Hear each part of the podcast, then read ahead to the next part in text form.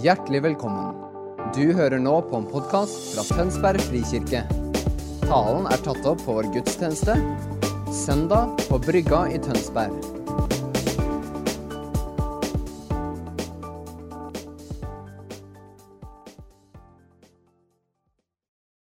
Jeg har lyst til å være med på en bønn før vi begynner.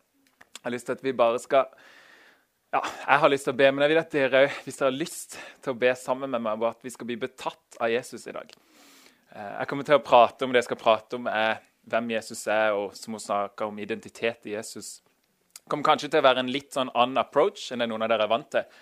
Men jeg har lyst til at vi bare gjennom det jeg skal dele, som kanskje føles og oppleves kanskje noe teoretisk mye av det jeg skal si, men så ber jeg om at den teorien og det som vi kommer til å dele og snakke om, kommer til å bare gjør sånn at jeg blir betatt av Jesus og av historien og av Bibelen og av fortellinga som vi er en del av.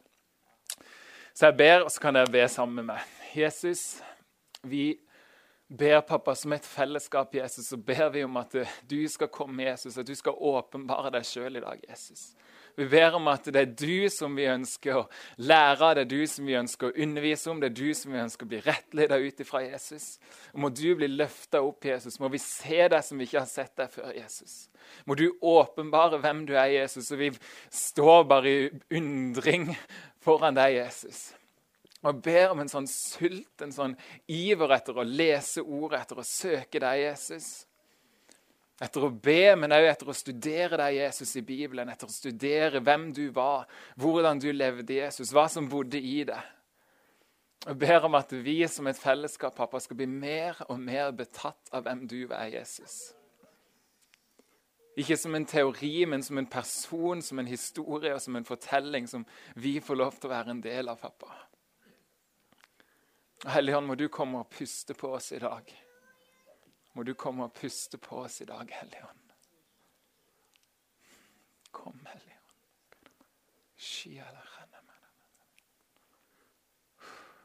Mm. Ja, kom,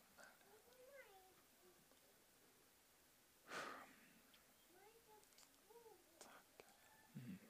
Amen. Amen. Åh, det er min bønn, altså. OK.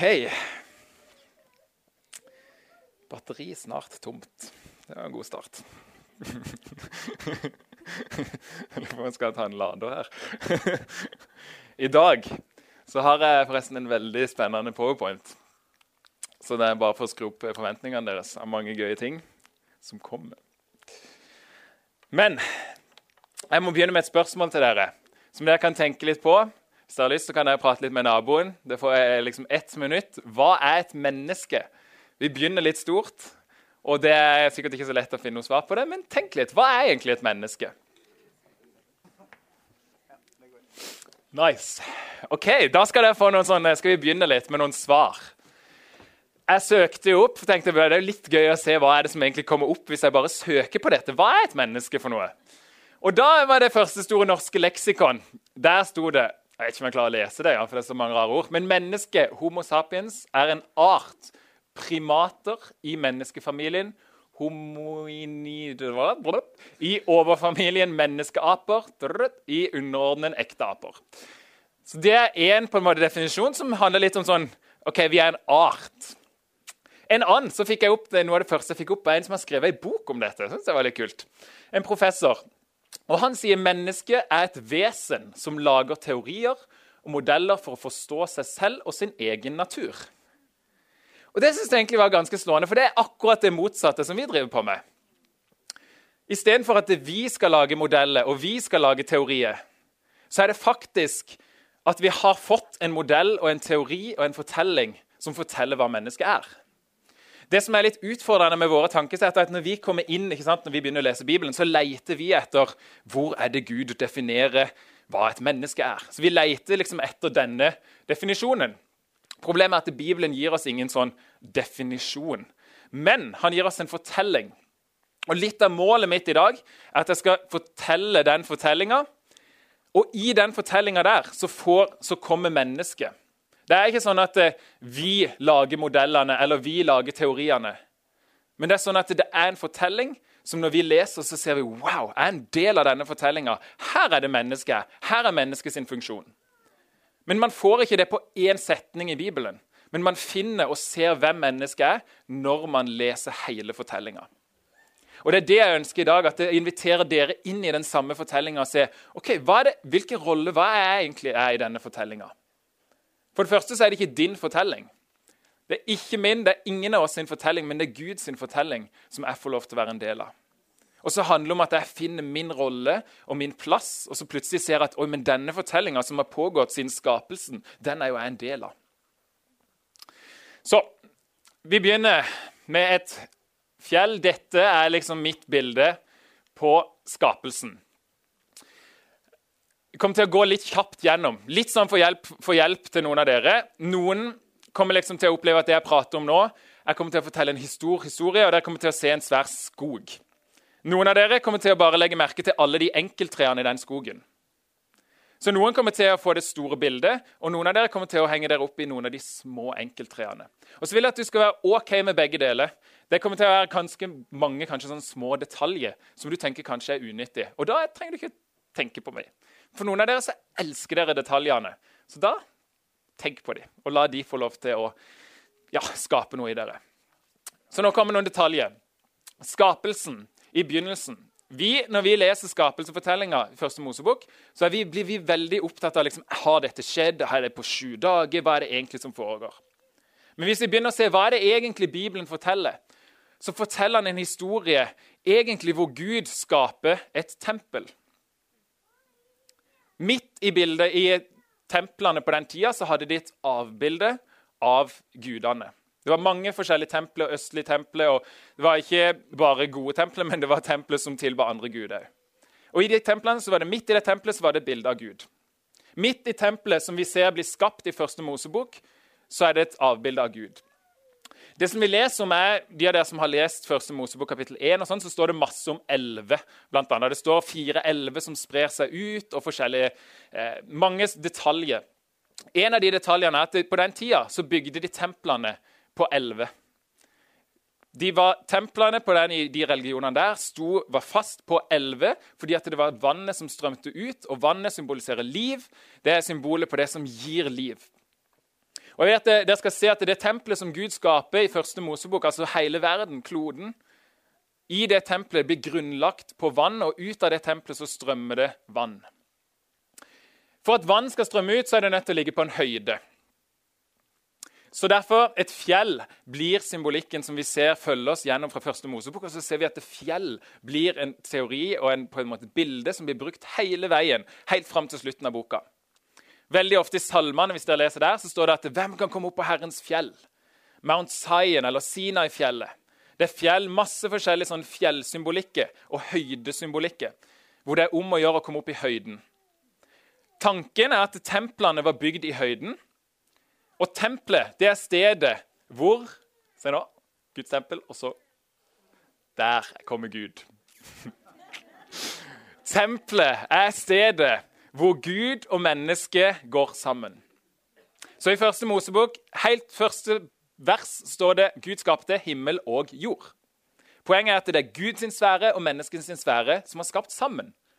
Ikke hver for oss, men det var ment å være sammen. Så i Edens hage, altså dette som bildet her, så var Gud og mennesket helt sammen. De gikk ett. Men tanken var jo ikke bare at eh, det skulle være på, liksom, på et sånt fjell. Men tanken var litt sånn her. Wow.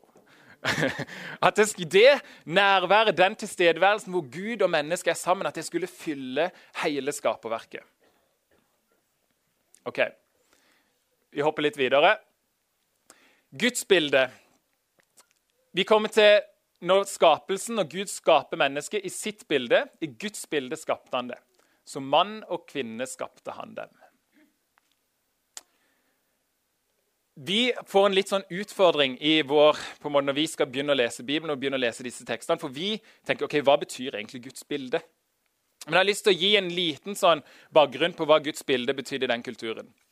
Når de leser Guds bilde, så handler ikke det bare om at de tenker at oi, dette er en et avbilde av Gud. Dette er noen som ligner på Gud. Men på den tida så kalte kongene seg De kalte seg, de brukte tittelen at de var i Guds bilde. Så disse, dette er liksom en sånn gammel konge som er fant da. bilder som er i stein. holdt jeg på å si. Men han, de kalte seg sjøl for Guds bilde, og det var de som herska. Det var kongene på den tida. Så de som regjerte på jorda, de som regjerte og styrte, det var de som var i Guds bilde. De tok på seg rollen som Gud, som en representant for Gud. Du hadde solguden, og så hadde den en konge på jorda som kalte seg for 'Han er i Guds bilde'. Det som skjer da, er jo at Gud skaper mennesket, alle mennesker, i sitt bilde. Og Det er jo en sånn revolusjonerende tankegang på den tida. Fra at bare kongene var i Guds bilde, til at Gud sier at men alle mennesker er i Guds bilde. Alle dere er skapt i Guds bilde. Alle dere er skapt som konge er det egentlig det han sier. Til å regjere, til å herske. Og Det ser vi i neste vers. Så står det Gud velsignet dem og sa til dem.: Vær fruktbare og bli mange. Fyll jorda og legg den under dere. Hva er det et Guds bilde pleier å gjøre? Jo, på den tida, og forståelsen av Guds bilde, det er noen som legger jorda under seg. Det er noen som regjerer, noen som styrer, noen som hersker. Og så sier han det til alle menneskene, at dere skal styre, dere skal fylle jorda. Dere skal bli mange.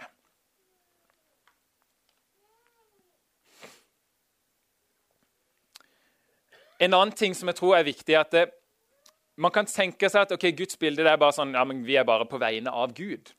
Akkurat som at Gud bare sender meg ut på vegne av han. Men jeg vil jeg tror det er mye mer som ligger i dette Guds bilde. Vi kan nesten snakke som at det er en representasjon. Eh, Senere ser vi at dette bildet og denne forståelsen utvikler seg til at vi er Guds barn. Så det er ikke bare sånn at du, du kan være mitt avbilde på jorda. Men det er sånn, nei, du er faktisk del av meg. Akkurat som at Gud deler sin Gud er jo konge på jorda. Men så deler han med meg og gir meg lov. Jeg får lov til å være med og regjere som konge på jorda på vegne av han. Så tok Herren Gud mennesket og satte det i egens hage til å dyrke og passe den. Det er det litt vanskelig for oss igjen, disse ordene her, men du, når de leste disse ordene, så forsto de denne historien med skapelse som en tempel. De forsto det som at nå skaper Gud sin tempel. Han skaper sitt hjem. Så når det står 'dyrke og passe', disse ordene her blir brukt senere i Bibelen, så ser vi at de blir brukt om det å være i tempelet. Det er en tempeltjeneste som disse ordene handler om. Det handler om at du er prest i et tempel. Der finner vi igjen de samme ordene blir brukt. Ok? Da begynner vi Dette er Adam og Eva. Det var det beste bildet jeg fant. og de ble, som jeg sa, de ble satt i denne hagen ikke sant? Eh, til å dyrke. Bildet som vi får, er dyrking det er jordbruk. Men det er mye mer. Det er ikke sånn at eh, hver konge og det eneste dere skal gjøre, er å dyrke tomater. liksom. Veldig ofte så kan vi tenke at okay, idealet er Edens hage. Hvor alt er bare en hage, og du går og spiser frukt. liksom. Men Gud var ikke sånn at det, Gud sa at alt var godt. Han skapte det, og alt var fantastisk, alt var godt. Men det er ikke sånn at alt var fullkomment. På samme måte som at hvis det, Nå har jo ikke, har jo ikke jeg fått barn, da, men hvis jeg hadde fått et barn, så kunne jeg sagt etter at jeg hadde fått det barnet ikke sant? Jeg er på fødestua så bare Nå, alt er godt. Men det er jo ikke, det ikke utvikla det potensialet enda. Det er jo godt. Alt er jo fantastisk, men det er et enormt potensial som ligger hos det barnet, og som ligger i framtida. Og det vi ser, er at Gud skaper noe fantastisk men som har et enormt potensial. Og Så sier han til mennesket du, nå skal dere ta denne jorda her, og så skal dere utvikle den. Dere skal utvikle potensialet her, dere skal dyrke. For å dyrke så må du, du må ikke ha trillebår, men du bør ha en spade, f.eks. Og i hvert fall hvis vi skal ta det første, det som han sier til mennesket, bli mange. Ikke sant da? Hvis de begynner å ta dette på alvor, så blir det jo masse folk. Og Da er det veldig lurt å få lage noen spade og kanskje etter hvert noen jordbruksmaskiner, sånn at det går litt fortere å lage mat til mange. Og Hvis du blir veldig mange, så blir det plutselig, liksom, må du begynne å bygge hus. Og hvis du begynner å bygge hus, så blir det plutselig et samfunn, og så plutselig så ender du opp i en by.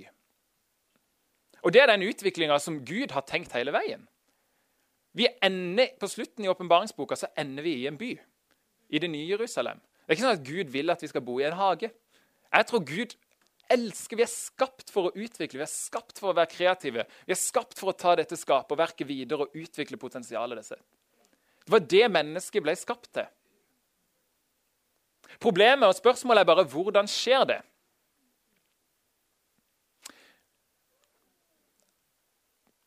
Wow. Det Bare si det når ikke dere sier det. det. Det som er her, da Hvis dere får med dere bildet Herren Gud skapte i gammel tid en hage i Eden. Så i Eden Dette er Eden, den runde her. Og i midt i Eden så er det en hage. Og her er jorda. Og tanken var at denne hagen her som var stedet hvor Gud og mennesket levde sammen, og hvor mennesket dyrka, utvikla, bygde, bygde fellesskap, bygde relasjoner. Tanken var at der skulle det på en måte spre seg ut til hele jorda. Sånn at det skulle dekke alt. Sånn at hele jorda skulle bli lagt under. Og hele jorda skulle være stedet hvor Guds herlighet og hvor Guds tilstedeværelse og Gud var konge. Det var tanken. Men ja, først jeg, fant, jeg søkte i går, så fant jeg en sånn bok, gammel bok. Jeg har ikke lest den, så jeg anbefaler ikke boka. Men jeg syns det var en fantastisk tittel. 'Konge, prest og gartner'. Det sier noe om hvem vi er.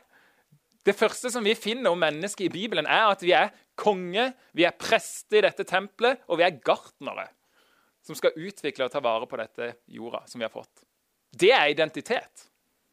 Det er ikke bare sånn at Gud skaper mennesker, men han skapte mennesker. Så sier han dere er skapt i mitt bilde, dere er skapt som konge, dere er skapt til å ta vare på denne jorda. Dere er skapt som konge, dere er skapt som preste i dette tempelet. Så kommer det jo inn noe forferdelig som vi kaller synd. Og synd, det er å bomme på å være menneske. Synd det er jo litt skummelt. Jeg tenker ofte Når vi snakker om synd, så blir vi litt sånn der Men jeg syns synd er en, ikke en fantastisk ting at vi har synd, men det er et veldig spennende tema. For vi reduserer synd ikke sant, til å være at å, du har brutt du, eh, ja, du baksnakka, eller du gjorde det, eller du gjorde det. Og så lager vi en sånn liste ikke sant? som vi kaller en syndeliste. Og så sitter Gud i himmelen, og så ser han opp, der brøyt du synd nummer 75. Og så liksom lager han et merke på den for å huske det. Skjønner? Det er jo ikke, ikke bildet av synd som jeg tror Bibelen legger fram. Men det bildet av synd og av ondskap som vi får, er jo at hvis mennesket var skapt for å være menneske Mennesket var skapt for å være et menneske, et Guds bilde, som tok vare, som var en konge, som var en prest og som var en gartner. Men når mennesket ikke er menneske, altså når det oppfører seg som et dyr Det oppfører seg som noe som ikke er et menneske. Altså Når det begynner å ikke ta vare på, eh, på hagen sin, da bommer det på målet. Når mennesket tar rollen som Gud det er dette, Disse tingene finner vi i de første kapitlene. At mennesket istedenfor at det stoler på Gud, så sier de men jeg vet best. Det tar rollen som Gud. Det de begynner selv å definere hva som er godt og ondt. Istedenfor å la Gud få være Gud, så sier de ja, men Gud, det, jeg vet nok bedre hva som er godt her. Jeg tar denne frukten av dette treet fordi det så godt ut, og jeg ja, tror ikke at det du har tenkt, egentlig er det beste. Det søker sitt eget beste på bekostning av andre. ser vi helt tydelig med Kain og Abel, som er en av de første historiene ikke sant, de finner, er at eh, han blir så sur på Abel at han bare ja, 'Jeg dreper han'. Dårlig plan, bom på å være menneske. Mennesket var ikke skapt for å søke sitt eget beste på bekostning av andre. Løgn. Vi finner de lyver helt i begynnelsen. Veldig tydelig. De skaper kaos. Skapelsefortellinga handler om hvordan Gud tar noe som er kaos, og så bringer han det til orden. Når vi leser fortellinga fra helt fra begynnelsen, står det at han okay, han splitter himmelen, han tar og skiller vann og land. Han tar mennesket opp fra jorda, skaper orden, lager mennesket, former forskjellige ting. Han skaper orden ut av uorden. Så når mennesket begynner å skape kaos, så bommer det fullstendig på oppgaven som du har satt til å ha. Når mennesket tar liv, så bommer det jo. Når det tilber det skapte Det var ikke ment å tilbe det skapte, men det var ment å tilbe skaperen. Ødelagte relasjoner kom inn helt på begynnelsen. Fordi at det er så sentralt til hva denne historien, denne fortellinga som vi er en del av, handler om. Det handler om relasjoner. Det står, til, ikke sant? det står at Gud skapte Adam, og så sier han at det, det var ikke godt for Adam å være alene. Så tanken om at du og Gud holder, blir avvist i helt i begynnelsen, i første kapittel. så blir det avvist. Gud sier at det er ikke nok med bare meg og deg. Men han sier du trenger en kompanjong, du trenger en hjelper, du trenger et menneske. Vi er skapt for å leve i fellesskap. Vi er skapt for å ha noen som vi går med. Det er ikke godt hvis ikke. Så ødelagte relasjoner er det motsatte av det vi var skapt for. Det formerer skaperverket. Mangel på tillit. Så oppsummert synd, det som skjer, er et ødelagt gudsbilde.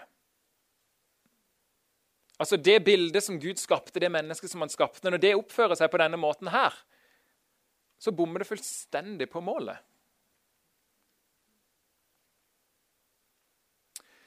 Det som er fascinerende med historien i Bibelen, da, er jo at det, eh, det begynner med Adam og Eva, som bommer på målet med å være menneske. De stoler ikke på Gud, de tar rollen sjøl som Gud og sier at 'jeg vet bedre hva enn er Gud'. Jeg spiser av denne frukten.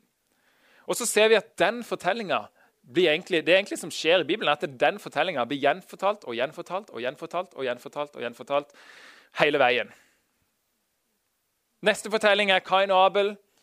Samme problemet. Kain blir sur på Abel, og han stoler ikke på at Gud har nok for begge to. Og Så fortsetter historien å bli gjenfortalt på mange forskjellige måter. Så det vi venter på, er at det skal komme en person som kan leve ut dette menneskelivet som kan leve og være dette gudsbildet som ikke mennesket har klart å være. Og Så får vi litt sånn hint underveis. Det er jo litt fascinerende, for det, Når vi kommer til Noah, for eksempel, da, så står det at Noah var en rettferdig mann. Og Da tenker vi ja, nå skjer det. vi liksom, når vi har lest fortellinga vår, her har det vært forferdelige folk, men nå kommer det endelig en rettferdig mann. Og så det jo, går det jo veldig bra fram til på slutten av fortellinga hvor han dummer seg, og så blir han òg en av de som bommer på målet. Og Så ser vi David som blir fremstilt som en rettferdig mann, og så har vi Moses som blir fremstilt som det. Men hver eneste en av de faller til kort på å være menneske.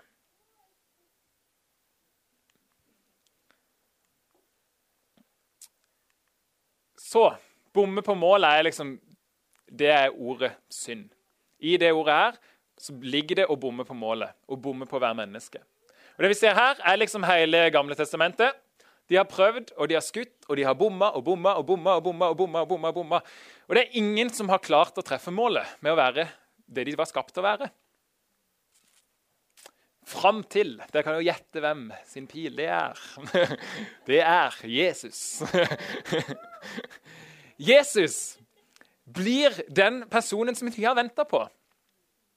De har venta på en person som kan komme og både sette de fri fra, dette, fra synden, fra den ondskapen som gjør at de ikke klarer å være menneske. De vil jo, men de får det ikke til. De har prøvd, men det går ikke. Hele veien. Det er fortellinger på fortellinger på fortellinger hvordan synd og ondskap har hindra de fra det. Og så kommer jo Jesus, og så tar han et oppgjør med denne synden og denne ondskapen. Sånn at vi alle kan få lov til å begynne å treffe målet og bli menneske. Og Det som vi ser i Jesus, da, er jo at han Oi, nå forsvant alle på likt, nesten. Der. Jesus han lar Gud få være Gud. Han lar Gud definere godt og ondt, istedenfor at han sjøl går rundt og sier jeg søker min fars ære, jeg søker hva som er best. Jeg retter livet mitt mot han. Han søker det beste for andre istedenfor at han kommer for å, hva kan, jeg, hva kan jeg få ut av dette? Hvordan kan jeg bli konge? Hvordan kan dere søke å tilbe meg og hjelpe meg? Så sier han han kom for å tjene. En definisjon av kjærlighet er å ville og søke det beste for andre. Genuint. Ikke fordi du prøver ikke å gjøre det, men dypet av meg ønsker det beste for deg. Det er kjærlighet. Og det modellerer Jesus. Han modellerer sannhet istedenfor løgn. Han skaper ikke orden, men han skaper orden. Jo, han skaper ikke uorden, men han skaper orden. Han tar det som er uorden, på samme måte som Gud i begynnelsen. Når det står at Gud talte, og det skjedde Med en gang i, i de sine hoder som leser det da på den tida, hvem er det som taler, og ting skjer? Jo, det er kongene. Kongen er den som taler, og så gjør de det, tjenerne det. Så Gud blir framstilt, skaperen blir framstilt som en konge helt på begynnelsen. Det som Jesus er, når han kommer, han taler, og så skjer det. Og så blir han framstilt som en konge. Så blir han framstilt som Oi, nå skjer det, noe, nå skjer det en ny skapelse her. Han skaper orden. Han helbreder der det er sykdom. Han gir liv istedenfor å ta liv. Han tilber skaperen. Han skaper enhet istedenfor splittelse. Han utvikler skaperverket, og han stoler på andre. Så vi ser Bibelen bruker noen ord på dette. Han bruker den første Adam. Altså, Den første Adam representerer hele den fortellinga hvor de prøvde og prøvde og prøvde og fikk det ikke til. Det er noe essensielt som jeg tror er viktig. Adam betyr menneske eller menneskeheten. Det ordet. Og Eva betyr liv. Og jeg tror noe, Litt av poenget kanskje med å kalle Adam og Eva for menneskeheten og liv, er at det, for historien om Adam og Eva forteller noe helt essensielt som går til kjernen i hva det menneskelige livet handler om. Problemet er jo bare at den første Adam han bomma og bomma bomma, bomma hele veien. Fram til den andre Adam kommer, som lever ut det han var skapt til å være, som lever ut det gudsbildet. Og Så får vi noe som er veldig fascinerende, syns jeg. Guds bilde, eller Guds sønn, og menneskesønnen. Dette er litt sånn eh, smådetaljer som noen av dere kanskje syns er spennende. Men når vi ser på Jesus sitt liv Han kaller seg sjøl, hans sitt navn, når han snakker om seg sjøl, så sier han at han kalte seg sjøl for menneskesønnen. Jeg synes det er fascinerende. Han sier ikke Guds sønn. De andre kaller han for Messias, de kaller han for Guds sønn. Men han kaller seg for menneskesønnen hovedsakelig. Og Her er det mange forskjellige ting. En sånn detalj, Daniel 7 er et sånn nøkkelkapittel for de av dere som er liksom kjempeinteressert i disse tingene her, eh, som peker til ja, noen profetier der. Men jeg tror det med menneskesønnen peker på Gud vil ha menneske. I begynnelsen så Gud, skapte Gud mennesket for å være og leve i en relasjon til seg sjøl, og Gud ønsker mennesket. Når Jesus kommer, og inkarnasjonen, at Jesus eller Gud blir menneske, så er det den største statementen som finnes på at det er dette Gud ønsker mennesket. Problemet er bare at mennesket har oppført seg som et dyr. Det har ikke oppført seg som et menneske. Og Så kommer Jesus, og så lever han ut det ekte, det sanne menneskelige livet som vi er skapt til. Parallelt med det så ser vi at Guds bilde og Guds sønn blir løfta fram. Så Vi har liksom disse to titlene, og vi har to skapelsefortellinger i begynnelsen. Hvor ene, første, som skaper Gud menneske, sier du er skapt i Guds bilde. Det gir det rollen som Gud, det løfter det opp som sier wow, du er liksom denne kongen.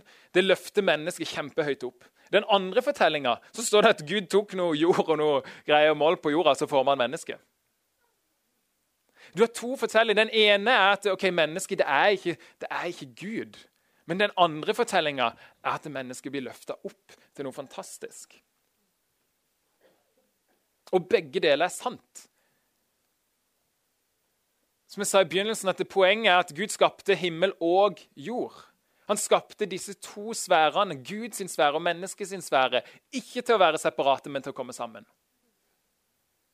Og Så begynner Jesus så begynner han å redefinere tempelet. Så sier han liksom at det er dette tempelet som dere har, sier han til dem. Det kommer til å rase, denne bygninga som dere har. Men det kommer til å stå opp et nytt tempel. Han redefinerer det symbolet som var. Så sier han at det nye tempelet, det er min kropp.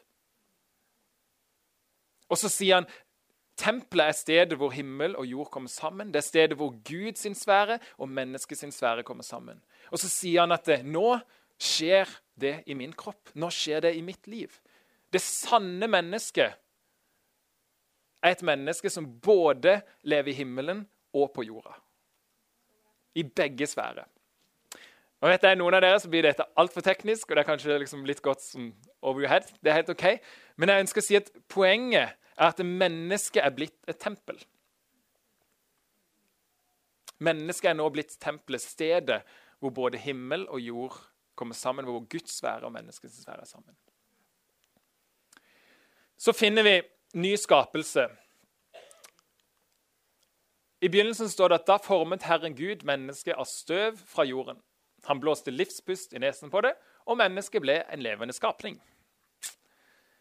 Så leser vi i evangeliet, på slutten av Johannes evangeliet, så står det Igjen sa Jesus til dem, Fred være med dere. Som Far har sendt meg, sender jeg dere. Så åndet han på dem og sa, Ta imot Den hellige ånd. Det er mange ting som peker fram mot at det er en ny skapelse som skjer med Jesus. Men de, de detaljene nå, men det er kjempespennende. Det dere ser her, da, er at det, som skjedde i den første skapelsen, skjer på nytt med Jesus. Altså, Gud skaper mennesket i den første Adam. Den første Adam bommer og blir mest opp pga. synd og ondskap. Så kommer Jesus og så tar han et oppgjør med den synden og ondskapen. Og så puster han på nytt på disiplene. Og så er det akkurat som at Gud sier at nå er det en ny skapelse. Nå skaper jeg på nytt en ny Adam som faktisk kan leve ut det. Jesus blir det førstefødte. Han er den første som er det første mennesket, ekte hele mennesket. Og så sier han at nå har jeg vært det. Nå har jeg tatt et oppgjør med det som hindrer dere fra å være det, så nå kan dere komme og bli det mennesket sammen med meg. Og så puster han på oss, og så skaper han det. Og det skjer ved ta imot Den hellige ånd. Hvordan skjer skapelsen? Jo, det skjer ved at han puster på det, ved at de tar imot Den hellige ånd, og Den hellige ånd former det på innsida i dem. Det nye mennesket. Det mennesket som er omsorgsfullt, det mennesket som er tålmodig, det mennesket som stoler på Gud istedenfor seg sjøl. Det mennesket som bygger gode relasjoner. Vi kan kalle et ord forstår, begynner vi å snakke liksom om teologi igjen, da, så er det åndens frukt. Altså den pusten som man puster inn, det er Den hellige ånd som skaper dette nye mennesket i oss. Og det er jo det som skjer, at Når vi som er et fellesskap her og menighet kommer og vi, ok, Gud, kom med din ånd, så skjer det noe, så kommer ånden som en sånn vind. ikke sant, Som han kom på pinsedag. Som han kom i første Mosebok, som han kom når Jesus ånda på dem, så kom han som en sånn vind inni her, og så pusta han nytt liv inni oss, og så skaper han det nye mennesket i oss. Og Så kan vi havne i en grøft hvor vi tenker at ja, men så lenge jeg bare har sagt at Jesus er Herre, så er det mennesket fullt og helt ferdig. Det har jeg ikke truffet noen som er. Men jeg har truffet mange som er kommet langt på vei. Og jeg har truffet mange som lar Den hellige ånd få bo og få dvele og få skape dette nye mennesket i oss dag etter dag etter dag. I Kolossene 3,9 så står det For dere har kledd av dere det gamle mennesket. Det gamle mennesket, første Adam, den dårlige. Når dere leser Paulus, så er han veldig god på å lage sånne lister. Har dere sett det noen ganger? Hvor han lister opp masse forskjellig synd. Og så lister han opp i motsetning mange forskjellige gode ting. Så han sier liksom 'legg av dere hor', 'legg av dere avgudsdyrkelse', 'legg av dere baksnakking'. Og så sier han 'omfavn kjærlighet', 'søk det gode for hverandre', 'vær barmhjertige'. Så han beskriver det gamle mennesket, den første Adam, som bomma fullstendig på være menneske. Og så beskriver han det nye mennesket i Jesus, og så sier han 'dette er det dere er skapt for å være'. Det som blir Ja, vi leser det en gang til. For dere har kledd av dere det gamle mennesket og dets gjerninger og iførte dere det nye, det som blir fornyet etter sin skapers bilde, og lærer ham å kjenne. Altså, vi blir fornya. I Romerbrevet står det at vi blir forma etter Guds bilde. Vi blir forma til å bli og være lik Jesus, som det ekte, sanne mennesket. Så tilbake til spørsmålet, da. Dette handler om identitet. Dette, jeg tror dette er kjernen når, man snakker ok, hva, Hvem er vi egentlig?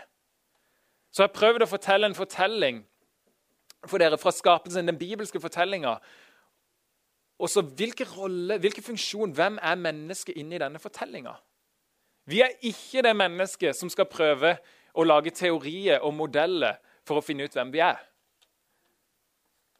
Vi er det mennesket som skal se og studere Jesus, studere Bibelen, studere fortellinga, og så ser vi wow, nå forstår jeg hvem jeg er inni denne fortellinga. Så hvem er du i Kristus? Og så har jeg skrevet kongen. For Kristus er en tittel. Det kan jeg oversette som Messias eller kongen. Hvem er du i kongen Jesus? Og Da skrev jeg et menneske som lar Den hellige ånd få skape i og gjennom meg.